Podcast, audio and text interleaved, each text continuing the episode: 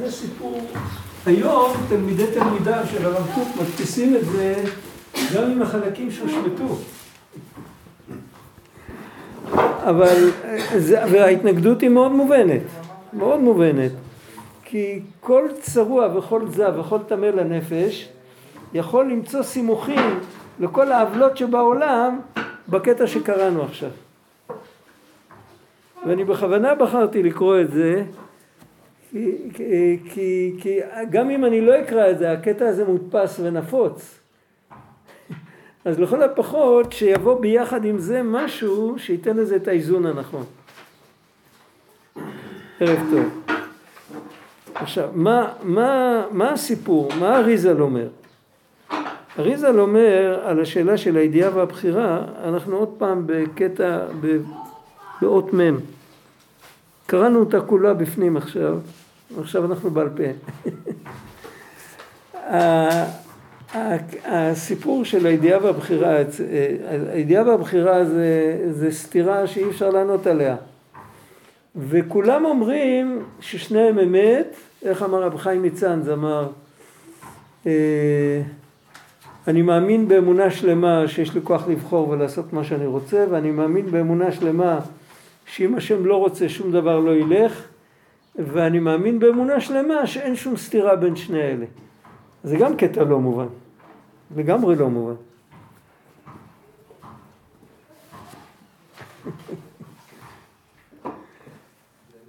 מה כן?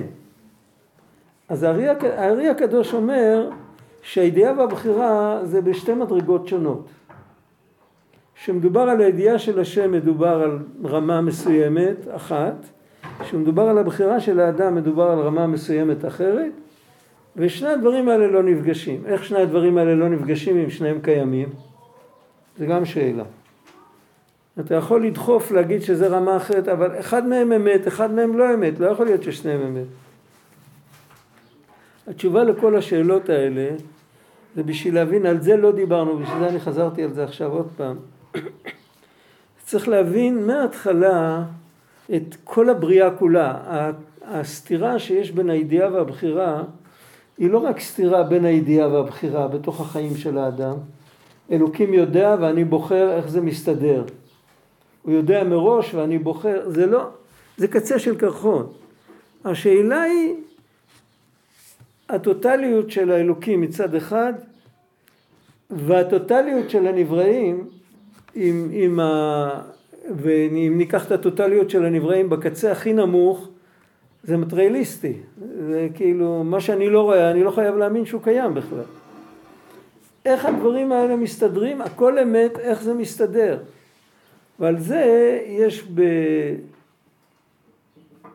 בכתבי אריזה סוד הצמצום, ככה מתחיל האוצרות חיים וככה מתחיל העץ חיים, וסוד הצמצום זה משהו, הוא אומר ככה, הוא אומר, האלוקים בעצמו, הוא לא מדבר עליו בכלל. יש בכמה מקומות שאומרים שאנחנו מדברים על האור שלו, אנחנו לא מדברים עליו.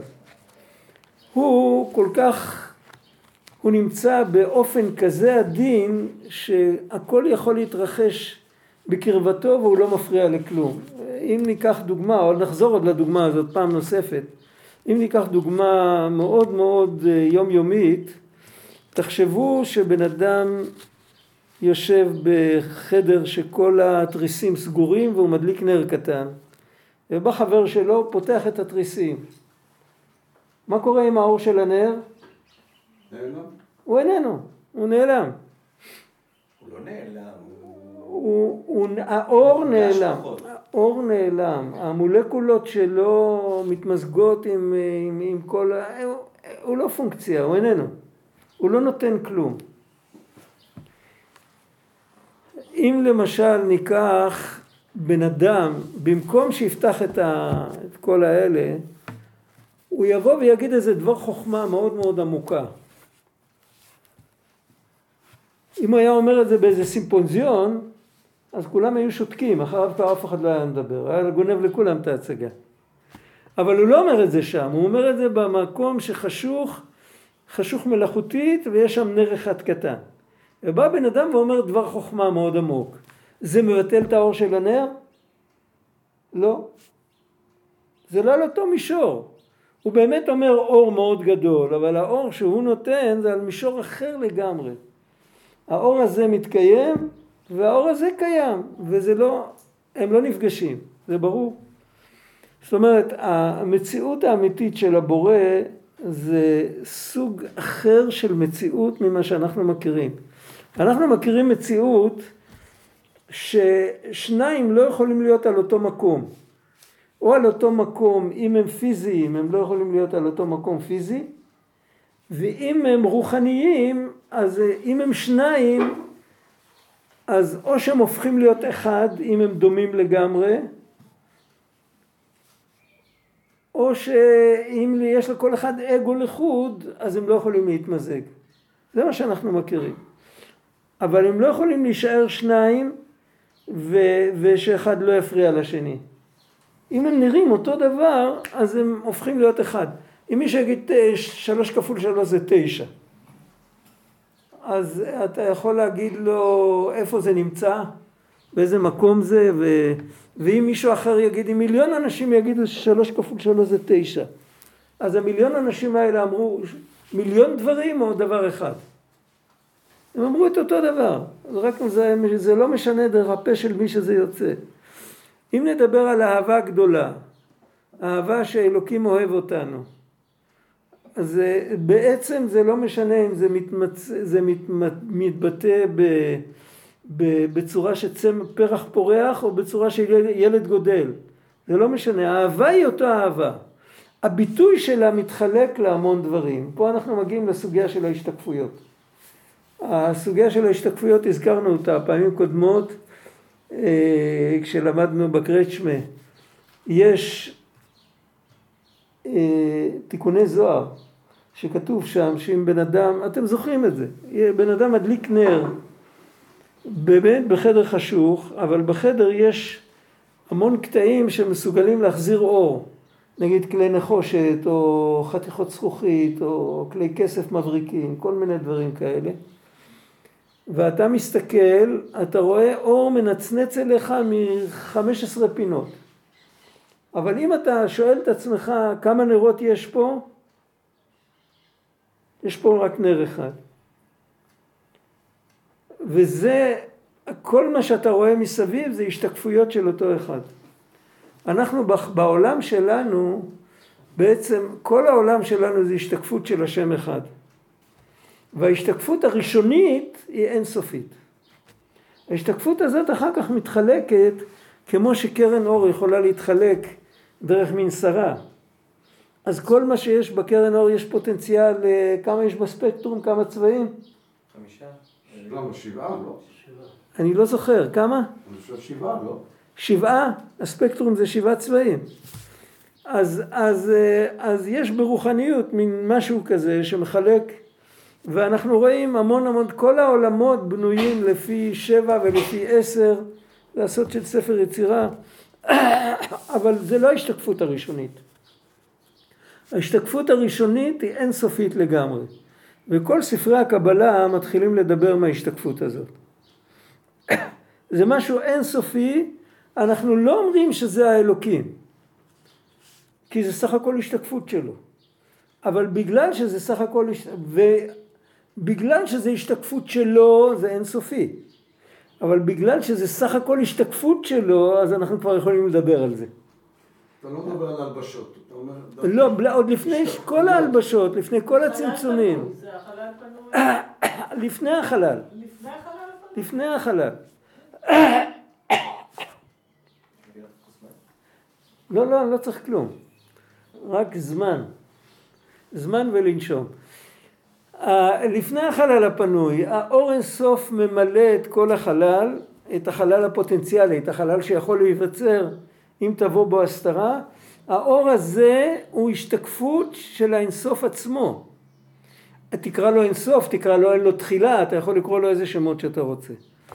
אבל הוא, הוא לא, הוא לא האינסוף עצמו, הוא סך הכל השתקפות. כמו שהאור שאנחנו, יש לנו עכשיו אור, לא, לא מכאן. האור שבא מבחוץ זה השתקפות של האנרגיה שיש בשמש. אבל זה לא השמש. זה לא השמש, רק בשמש זה הפוך, אם השמש הייתה יורדת כאן היינו נשרפים. האלוקים בעצמו נמצא איפה שההשתקפות נמצאת, איפה שההשתקפות לא נמצאת, הוא נמצא, הצורה הכי פשוטה להגיד את זה, זה כמו המילה אני. המילה אני תמיד נשארת אצל הבן אדם. בין מתי שהוא מקרין משהו, בין מתי שהוא לא מקרין כלום, בין מתי שהוא בחושך, בין מתי שהוא באור. האני תמיד נשאר אותו דבר עם כל העוצמה שלו, כל ההבדל הוא מה הוא מקרין. כן, ואיך הוא מתבטא, אבל, אבל הוא תמיד קיים. אין דבר שמסתיר עליו. זה לא שאם אני עכשיו אה, נשמה בגוף ואני פועל בתוך השטח ואני לוקח טוריה ביד אז אני פחות אני ממה כשהייתי בעולם האצילות או אני יודע איפה. זה אותו אני. זה אותו אני. והקדוש ברוך הוא אותו אני השם אלוקיכם הוא תמיד אני. איך שהוא מתגלה אז ההתגלות הראשונה שלו היא אינסופית. אבל הוא רוצה שיהיה עולם ושיהיה עולם כמו שאנחנו מכירים אותו. הוא רוצה שנגלה את האינסופיות שלו בתוך העולם. זה בעצם הרצון המקורי שלו. אבל בשביל זה צריך הרבה, אז הצעד הראשון לקראת העולם הזה זה הצמצום הראשון. בצמצום הראשון נהיה חושך תודעתי, נהיה ואקום תודעתי, שלא רואים את ההשתקפות שלו. מה שיראו בתוך זה, יראו ניואנסים, יראו חוכמה גדולה. החוכמה תרים אצבע לכיוון שלו ותגיד המקור שלי זה האלוקים אבל את האלוקים אנחנו כבר לא נחווה אנחנו נחווה חוכמה. וכן הלאה אנחנו נחווה בינה אנחנו מי, ש, מי שרוצה בדיוק אה, להכיר יותר את הדברים האלה יש היום בעברית את הספר של הרב ארי קפלן פירוש לספר יצירה מרתק זה לא, זה, זה לא יותר מדי קשה, זה לא יותר מדי עמוק, ו, והוא נותן מושגים בסיסיים, פשוטים, לניואנסים, להתחלקויות. איך, איך הכל בנוי, איך, מה, מה כל דבר אומר. הוא מסביר את הכל מאוד יפה. איך קוראים לספר? פירוש לספר יצירה, מאת הרב אריה קפלן. אבל כשאתה אומר אני, מה, מה אתה מתכוון? לא שמעתי את המילה האחרונה? כשאתה אומר אני. כן. זה נראה כאילו אנחנו כולנו אה, מדברים על אותו דבר. אבל מה זה אני? זהו, מה זה, אז... זה הנשמה, זה המודעות, זה... זה, ההכרה? בפילוסופיה, האני זה הסך הכל של ההרגלים ושל ה... זה, זה משהו מאוד מאוד פשוט. כן. אבל זה לא מה שאתה אומר. זה לא אני, זה האני שלי. אבל מי הוא השלי הזה שהאני הזה שייך אליו? זה משהו נעלם. באמת, היה לנו בחסידות את רבי זושה שאף פעם לא אמר אני. אני זה השם, אני השם אלוקיכם. אני זה אותם אותיות כמו עין. עין זה דבר שאינו מושג, לא דבר שאינו קיים. ביהדות עין הכוונה משהו שלא מושג. הוא לא מושג כי הוא המשיג. העיניים שלנו לא רואות את עצמם. הם רואים את כל העולם חוץ מאת עצמם. אלא אם כן תעמיד את האדם מול ראי, אז הוא, הוא ידע איך העיניים שלו נראות, אבל הוא לא יראה אותם. הוא רואה רק השתקפות. באותה צורה כמו שעם העיניים אנחנו לא יכולים לראות את העיניים, כי העיניים הם הרואות, אז הן לא הנראות.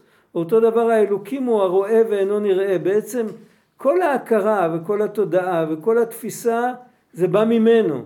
הוא גורם לנו לתפוס, הוא גורם לנו להבין, הוא גורם לנו, הוא גורם לנו להגיד אני, אבל לקחת את זה אחורנית ולהשיג אותו, אנחנו לא יכולים. תזכרו תמיד את הדוגמה, כי לא יראני כתוב שם. הוא העין האמיתית שרואה את הכל. צריך לחשוב על זה, להתרגל לרעיון, זה, זה לא ברגע אחד. על כל פנים, ברובד של ההשתקפות האינסופית, הכל אלוקי והכל טוב, ואפילו אם אנחנו רואים משהו שהוא נראה כמו, אה, כמו הרס, כמו, אה, לא יודע, היום יום השואה, שואה. אז ברובד ההוא זה רובד שהוא למעלה מהתפיסה שלנו, אין לנו שום השגה בדבר הזה. אנחנו חיים מתחת לשני המקומות האלה, זאת אומרת אנחנו לא חווים את הנוכחות האלוקית בטהרתה ואנחנו לא חווים אפילו את ההשתקפות שלו בטהרתה. אנחנו חווים ניואנסים. בתוך הניואנסים האלה יש, ככה כתבי אריזל מתחילים, בתוך הניואנסים האלה יש עיגולים ויושר, שמעתם את הביטוי הזה פעם? מי שלמד קבלה מכיר את זה. המושג של היושר זה השתלשלות שמחייבת אה, צמצום בין דרגה לדרגה. ו, ואם אין צמצום, זה כמו, זה כמו להגיד, אה, להיכנס לכיתה א' וללמוד עם הילדים לימודים של כיתה ח'. הייתי מורה 17 שנה, הייתי מקבל פעמיים כל כיתה, היו, היו, היו הרבה שהספיקו ללמוד אצלי גם בה' וגם מקצועות אחרים, גם בה' וגם בח'. אז ראיתי דבר פלא, שניסיתי בה' ללמד בגיאוגרפיה, מדוע האנשים באמריקה לא נופלים, הם לא הצליחו לעשות את ההפשטה. הם לא הבינו. בחטא הם יכלו להסביר לי למה אנשים באמריקה לא נופלים. בה' ניסיתי עם גלובוס, עם מגנט, עם פנס, עם לא יודע מה, לא הלך, פשוט מה שהתברר, ש- שאלתי, אמרו לי, החלק הזה במוח שמסתכל על דברים בצורה קצת יותר מופשטת, הם ילדים צעירים, עוד לא התפתח אצלם, זה לא יעזור שום דבר. מה צריך לעשות? אז כשיורדים למקום כזה, אז צריך להעביר רעיונות דרך סיפור, דרך, דרך משהו אחר. אנחנו רואים במשנה בין חמש למקרא, איך המקרא מעביר לנו את כל הרעיונות שהוא רוצה להעביר? דרך סיפור. אפילו את המצוות, הוא לא אומר כך תעשו, הוא אומר השם אמר למשה שיגיד לבני ישראל שיעשו כך וכך, זה סיפור. זה מתאים לבן חמש. בן עשר הוא כבר יכול, כבר יכול ללמוד משנה. כבר יכול ללמוד אה, ממתי קוראים את שמע בערבין. הוא יכול ללמוד, אה, לש, לשאול ולענות ולקבל הוראות. בן חמש עשרה לתלמוד, שם הוא כבר צריך להתפתח יותר ולהקיש דברים ולראות מה דומה, מה לא דומה, למצוא את הניואנסים היותר דקים. כל אחד בגיל שלו, איך שהוא מתפתח. ובין זה לזה צריך צמצום, צריך, צריך כלי אחר כדי לדבר עם מישהו יותר נמוך. זה הקו של היושר. בין אצילות לבריאה יש צמצום עצום, בין בריאה ליצירה יש צמצום עצום, בין כל ספירה וספירה באותו עולם חייב להיות צמצום. אנחנו מסכנים אחרי כל הצמצומים, אנחנו יושבים פה למטה, והחותמת של כל הצמצומים זה זמן ומקום ואגו ו, ורשות לומר אני לכתחילה. כשבן אדם נמצא פה, הוא מגיע מאותו מקום כמו, כמו כל ה... כמו כל הדברים העליונים האלה שאנחנו לא משיגים אותם, ואף על פי כן כאן זה גודל הירידה של הנשמה בגוף. כאן הוא, אם תגיד לו האני האמיתי זה רק השם, אז מה אמרת? כאילו, זה, זה משהו, זה סוג אחד, ובכל מקום יש, לבן אדם יש את הרמה שלו, וברמה שלנו חייבת להיות בחירה, בלי בחירה אנחנו לא יכולים להתקיים. והבחירה מבוססת על עיקרון של זמן. אני מחליט ואני עושה. אני לא יכול לעשות ואחרי זה להחליט. אז בלי זמן ובלי מקום ובלי בחירה, אין, אין מציאות של עולם העשייה. עצם המילה עשייה זה בחירה. המילה לעשות זה לבחור, כי בעצם למה צריך את המילה הזאת? במקום לעשות אני יכול להגיד לתפור, לצייר, לחרוש, לנגן. למה אני צריך להגיד לעשות? מתי אני משתמש במילה לעשות? כשמאשימים אותי אני אומר זה לא אני עשיתי, דחפו אותי. לעשות זה לבחור, עולם העשייה זה עולם הבחירה. זה זה, זה המציאות, וזה זה, זה, זה ההשתלשלות של היושר. לעומת זאת ההשתלשלות, ההשתלשלות של העיגולים זה משהו ככה כתבו התלמידים של בעל התניא. ההשתלשלות של העיגולים זה משהו כל כך עדין, זה מתואר בכתבי אריזל שהעיגול הנמוך יותר הוא בתוך העיגול הגדול, כמו ילד בבטן של האימא שלו. והעיגול הגדול מקיף אותו מכל צד, העיגול.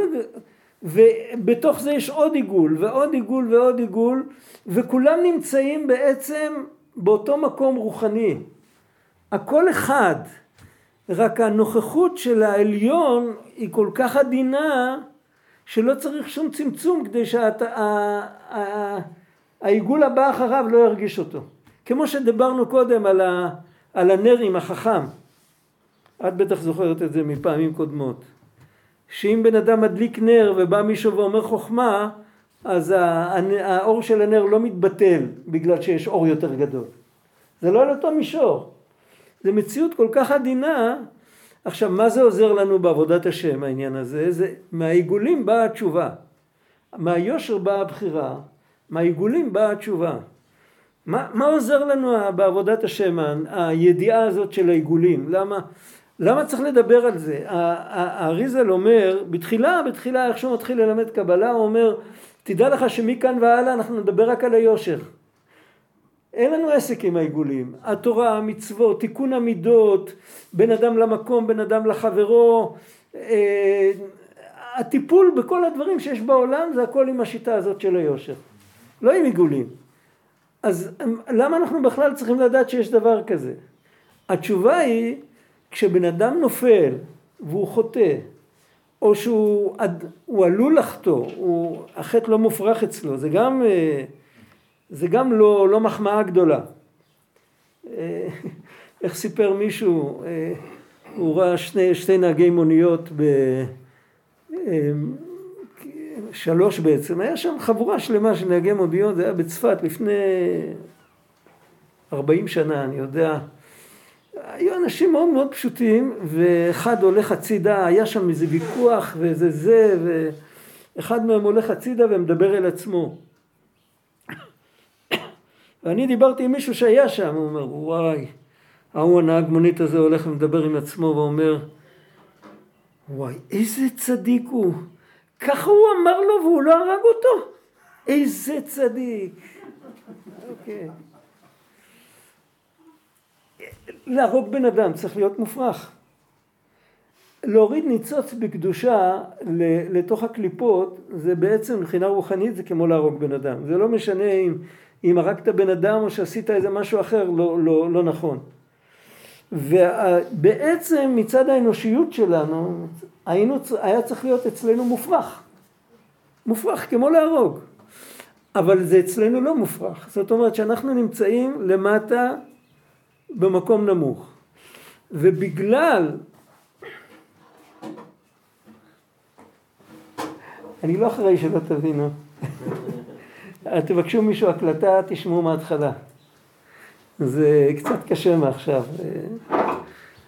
אה, אבל בגלל שהשם ברא את ההשתלשלות הזאת של העיגולים, ואריזל מזכיר את זה בקיצור והוא לא רוצה לדבר על זה, אבל מה שזה נותן, זה נותן את האפשרות לחזור בתשובה ולעלות.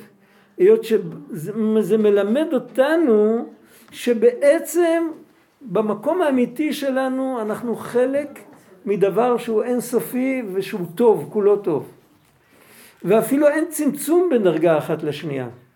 רק הדרגות הן כל כך מובדלות, הן כל כך, העליון, הדרגה העליונה כביכול היא כל כך עדינה שהיא לא מפריעה לקיום של הדרגה הנמוכה גם ללא צמצום. כמו שאמרנו, כמו שהחוכמה של החכם לא מפריעה לנר הקטן על השולחן. בצורה כזאת. אבל החוכמה של החכם, של החכם נמצאת פה, היא לא הלכה למקום אחר. זה לא כמו שמצמצמים לכיתה א' שלא יתבלבלו. שם באמת מורידים.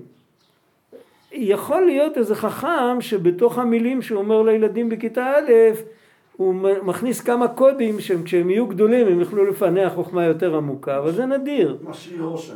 כן, משאיר רושם, אבל זה נדיר. אבל בדרך כלל זה צמצום. מה שאין כן בעיגולים זה לא, זה לא צמצום, זה, זה, זה סביבה שמאפשרת גם דברים יותר נמוכים. אבל הדברים היותר נמוכים נמצאים באותה סביבה, ולכן יותר קל להשיג חזרה את הסביבה הזאת. וזה השורש של התשובה, ובגלל זה רבי צדוק אומר שאפשר להגיע לזדונות נעשים לו כזכויות. שאם בן אדם, הדר, העבודה בעיגולים, עיגול זה דבר לא רציונלי. מרובע שייך לשכל, אורך כפול רוחב. עיגול זה מספר לא רציונלי. עיגול, כדור, כל הדברים האלה, זה מרמז תמיד על משהו שהוא למעלה מהשכל, זה רמז. אחרת לא היו קוראים לזה. בעצם המקובלים האחרונים מסבירים שזה לא עיגולים, זה כדורים.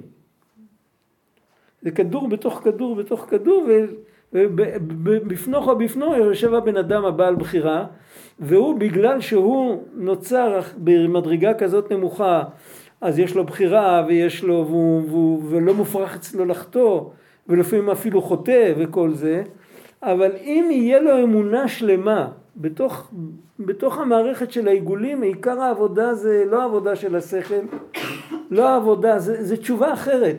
יש תשובה שהיא באה מזה שאני מבין כמה גרוע התנהגתי, כמה אני כפוי טובה וכל זה. יש תשובה שבאה מזה שאני מבין כמה זה בנאלי להגיד אני עשיתי, אני שווה, אני, אני מרדתי, אני שמעתי בקול, אני לא שמעתי בקול.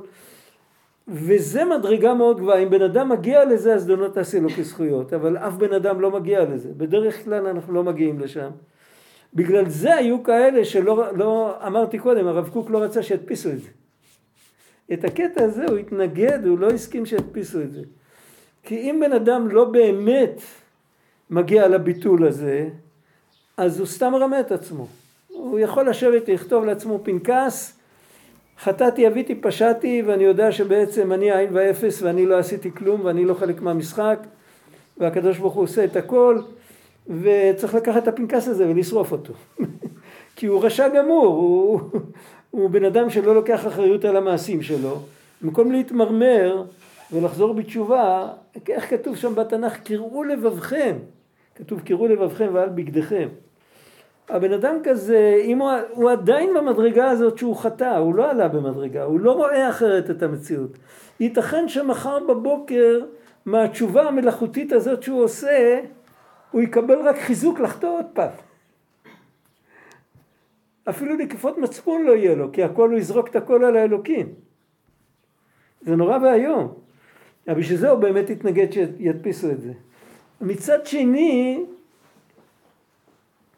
אם בן אדם עושה את העבודה הזאת באמת, אז הוא באמת רואה שהדבר היה צריך לקרות בעולם, ועל זה מי שרוצה לראות, יכול, אפשר להסתכל על זה, אני לא זוכר אם קראנו את זה פעם, בספר התניא, זה מצוטט כל הקטע הזה בבעל שם טוב על התורה, אבל אני לא זוכר, יש שם קטע מהבעל שם טוב, אני לא זוכר באיזה פרשה.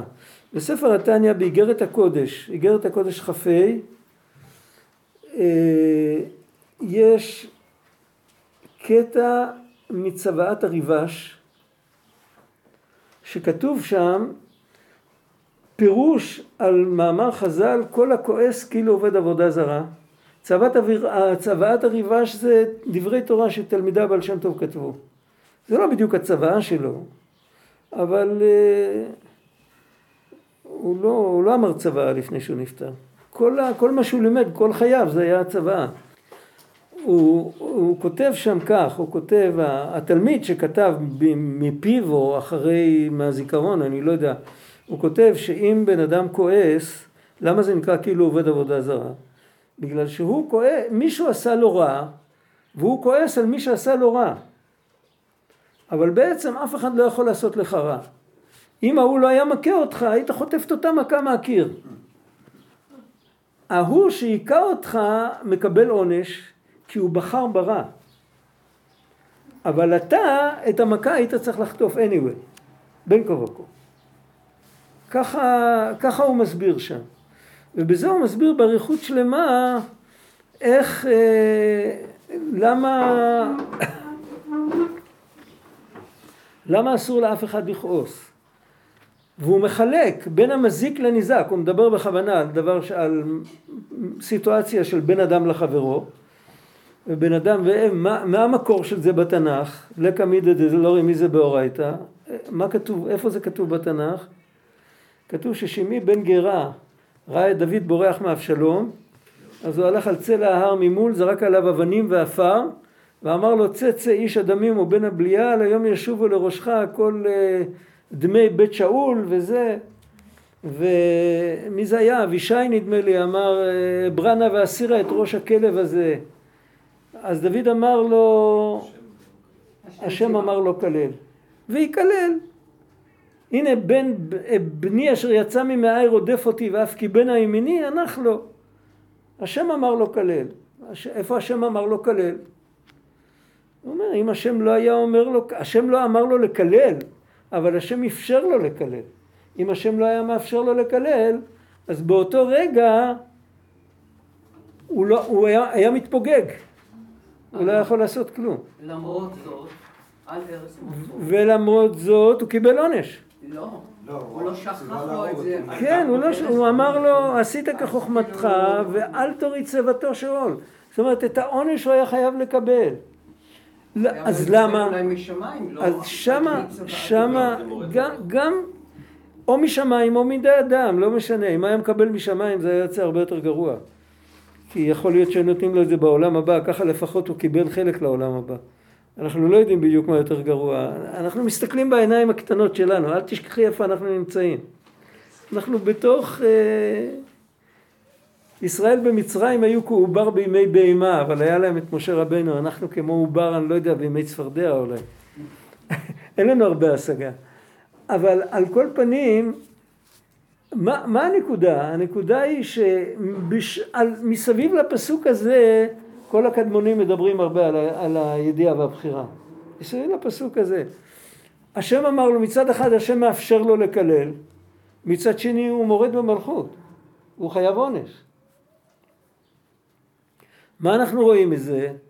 אנחנו רואים שיש לבן אדם את העולם האנושי שלו, השם יתברך ברא את העולם דרך כל המערכת של הצמצומים, דרך כל הקו של היושר, ששם יש צמצומים ממש בין עולם לעולם, בין תודעה לתודעה, עד שזה מגיע למקום שלנו, ובמקום שלנו אנחנו צריכים לזהות שיש טוב ויש רע ואחריות עלינו, ואנחנו צריכים לקחת אחריות, ולא להגיד, לא לזרוק את הכל על אחרים. כמו שאסור לזרוק את הכל על הוא השם והוא השם, אז אסור לזרוק את הכל על, על השם. אותו דבר, אסור. כי הבן אדם צריך לקחת אחריות. זה חלק מהקבלת עול מלכות שמיים שלו. אם הוא לא לקח אחריות והוא קלקל, הקדוש ברוך הוא חנון ורחום ורב לסלוח, אז הוא נותן לו אפשרות לעבור, לעלות חזרה דרך, יש מדרגות חירום. זה הקו של העיגולים. זה שמה הוא צריך להתחזק באמונה, קודם כל קראו לבבכם, הוא צריך לחזור בתשובה, הוא צריך לחזור בתשובה באופן כזה, כתוב ברמב"ם, שיעיד עליו יודע תעלומות, השם יתברך, שלא ישוב לחסלה עוד. בן אדם צריך להגיע למקום שהחטא יהיה מופרך אצלו. יש סיפור על המגיד שהגיע אליו פעם הפריץ ואשתו בקיץ והיא הייתה לבושה כמו גויה בקיץ, והמגיד התחיל להקיא ספונטנית. זה היה מאוד לא נעים לכל היהודים שם, בגלל שהפריץ הזה היה עושה טובות ליהודים. זה סיפור אמיתי, סיפור מביך. סיפור מומצא אף פעם לא יכול להיות סיפור מביך. לא ממציאים סיפורים מביכים. זה סיפור אמיתי. והמגיד וה... אמר, מה יכלתי לעשות? כי זה הגעיל אותי, אז הכיתי. זה נקרא שהחטא מופרך על הרמה הביולוגית. זה נכנס עד לרמה של התא, שאם זה נגד רצון השם, אז זה מעלה כבש. את זה לא דורשים מכל אחד. מי שמגיע למדרגה הזאת, עבודת מתנה אתן את כהונתכם, זה מתנה מלמעלה, הוא התייגע הרבה, הוא קיבל מתנה כזאת. יש רמה אחרת של חטא מופרך, שזה בן אדם שהוא כמו, בוא נגיד, אה, לוקחים חייל, מפקידים אותו על איזה גזרה, ואומרים לו פה, מכירים את דודה ברטה? לא יודעים מי זה? יש משקפת גדולה בצבא, שזה בעצם טלוסקופ. רק במקום להסתכל עליו, ב, על, על, על הכוכבים, מסתכלים עליו על, ה, על המצרים, על הירדנים, על, ה, על החיזבאללה. לא מוכר. מכיר את זה? זה ממש, אתה יכול לראות מרחק של כמה קילומטרים לאור ירח, בן אדם מחייך. זה משהו. שמע, זה הגזרה שלך, מכאן עד כאן, אז הדבר, לא מחזיקים את זה ביד, זה זז על ציר. יכול לעשות ככה וככה, ותדע לך שפה זה אזור רגיש, ויש כאן, אה, כאן חדירות, ויש זה, אל תישן, תשמור את המשמרת שלך. עכשיו, חיילים ישנים בשמירה לפעמים, כן, לא נעים להגיד. אבל אם בן אדם שומע דבר כזה והוא יודע שזה אמת, הוא יודע שלא עבדו עליו, אז הוא לא ירדם. זה ברור, הוא לא, הוא לא ילך הצידה, הוא לא... הוא כל הזמן יהיה שם. אותו דבר בן אדם ששומר על חולה, והחולה מצלצל והוא כרגע מתנמנם, הוא יקפוץ כמו פנתר. אולי קרה לו משהו, אולי החמצן נפל לו, אולי מישהו מה... אז יש סוג, בן אדם שלעבור על רצון השם מופרך אצלו לא על רמה ביולוגית, על הרמה המנטלית. וזה מגיעים אם חושבים הרבה על, על הנושא של לא להיות כפוי טובה. סך הכל, אם נשאל את עצמנו מי זה הקדוש ברוך הוא, אז קודם כל לקבל את התשובה, זה שגורם לנו להתקיים. איך אנחנו יכולים להמרות את פיו אם הוא הרגע גורם לנו להתקיים. זה סתם לא יפה, כן? אז אם אנחנו מגיעים לפחות לנקודה הזאת של זה מופרך לעבור על רצונו בגלל שזה כפייה טובה, אז אנחנו יכולים לפחות להגיע למקום שזה מופרך על הרמה האנושית הפשוטה, על הרמה לא הביולוגית, אלא ברמה התודעתית, שזה יהיה מופרך, מבחינה מנטלית, שזה יהיה מופרך. ואם בן אדם עובר על זה, אז הוא צריך לקרוע את לבבו, הוא צריך להתחרט. זה עבודה אחת, זה עבודה של התשובה הרגילה. זה עבודה של אלול ועשרת ימי תשובה וכל. יש עבודה של יום כיפור. עבודה של יום כיפור זה משהו אחר, זה לפני השם תתארו. שמה, בתוך יום כיפור, למרות שאומרים וידויים וכל זה, אמר חידושי ערים, לא בווידויים צריך להעריך. צריך להעריך ב"תשיב שכינתך לציון", שמה צריך להעריך. למה צריך להעריך ב"תשיב שכינתך לציון" ביום כיפור דווקא? כי התשובה של יום כיפור זה בעצם תשובה תודעתית לא על החטא ולא על זה שאני המראתי את פי קוני, אלא על זה שאני חשבתי שאני בכלל ישות עצמאית. שכחתי שאני סך הכל השתקפות. זה פגם כמו שפתאום האצבע שלי תתחיל לעשות לבד דברים ואני לא יכול לעצור אותה. יש מחלה כזאת, שבן אדם הולך ברחוב פתאום הוא עושה ככה, הוא לא יכול לעצור את היד שלו. השם ישמור. זה, זה משהו, ועל זה הוא צריך לחזור בתשובה. ולחזור בתשובה על זה זה עבודה אחרת לגמרי. בעבודה הזאת הוא עולה באמונה, הוא נכנס לאמונה, הוא לא חושב על החטאים שלו. הוא חושב על הטוטליות של הנוכחות של השם עד הסוף, למרות שאנחנו בכך וכך מדרגות נמוך, אין סוף מדרגות, ואנחנו, הקדוש ברוך הוא מעבר למדרגות בכלל, הוא יצר את המושג מדרגות, ואנחנו למטה, ואנחנו לא מרגישים את הנוכחות שלו ולא זה, ביחד עם זה כואב לנו, אבל למה? זה השאלה למה השם תסתר פניך מאיתנו. עצם ההסתרה כואב לנו. ואם בן אדם מתפלל על זה ורוצה לתקן את זה, אז הוא יכול באמת להתעלות בתוך, ה... בתוך ההשתלשלות של העיגולים. וכל פעם הוא מקבל תפיסה הרבה יותר עדינה מאשר קודם, עד שכל המערכת מושגים שלו נהפכת. ובכלל, הוא מבין שאין דבר כזה, זה, זה... אני לא יצור עצמאי הוא, הוא חי לפני הצמצום כאילו. ואז היות שהחטא גרם לו, הכאב של החטא גרם לו שהוא יעשה את העלייה הזאת, אז החטא נהפך לטובה. לולא החטא לא היה עולה בדעתו להיכנס לעבודה הזאת. רק מה, לא צריך להיות טיפש, לא צריך לחטוא בשביל זה. אפשר לעשות את זה בלי חטא. יהודי יכול להיכנס לעניין של האמונה, יש בליקוטי מהר"ן, יש אה, למידת היראה יש יראה, וליראה הזאת יש גם יראה, אותו דבר לאמונה. לאמונה יש אמונה, ולאמונה הזאת יש גם אמונה. וככה זה הולך עד אין קץ, וזה קשור עם מה שדיברנו בהתחלה. עם ה... בצורה כזאת יהודי מתחבר חזרה, זה בעצם התכלית. לא צריך לחתור בשביל לעשות את העבודה הזאת, חבל, חבל לעשות שטויות. התכלית זה נגלה כבוד השם וראו כל בשר יחדיו כפי השם דיבר, כמו בראשית הבריאה, אבל בתוך המציאות הפיזית. וזה התכלית, וזה פלא גדול, איך, איך, איך יכול להתקיים שני הדברים, שהמציאות שלנו לא תתבטל, אף על פי כן יתגלה כבוד השם לגמרי, ויראו כל בשר יחדיו. אז זה, זה בעצם הפונדמנט, הבסיס של כל הקטע הזה שקראנו. ובכל אופן היו כאלה שאמרו שיש, אה, לא לכולם צריך לגלות את זה. אם היינו מדלגים על זה, אז לא היינו מתקנים שום דבר, כי זה הרי מודפס בספר וכל אחד יכול לקרוא את זה. עדיף לקרוא את זה ולהסביר את זה נכון מאשר אה, לדלג על זה. זהו, עכשיו, היום היה לי איזה רצון לגמור קצת יותר מוקדם, אני צריך להיות בעוד מקום, וזה התחלה חדשה אחרי פסח.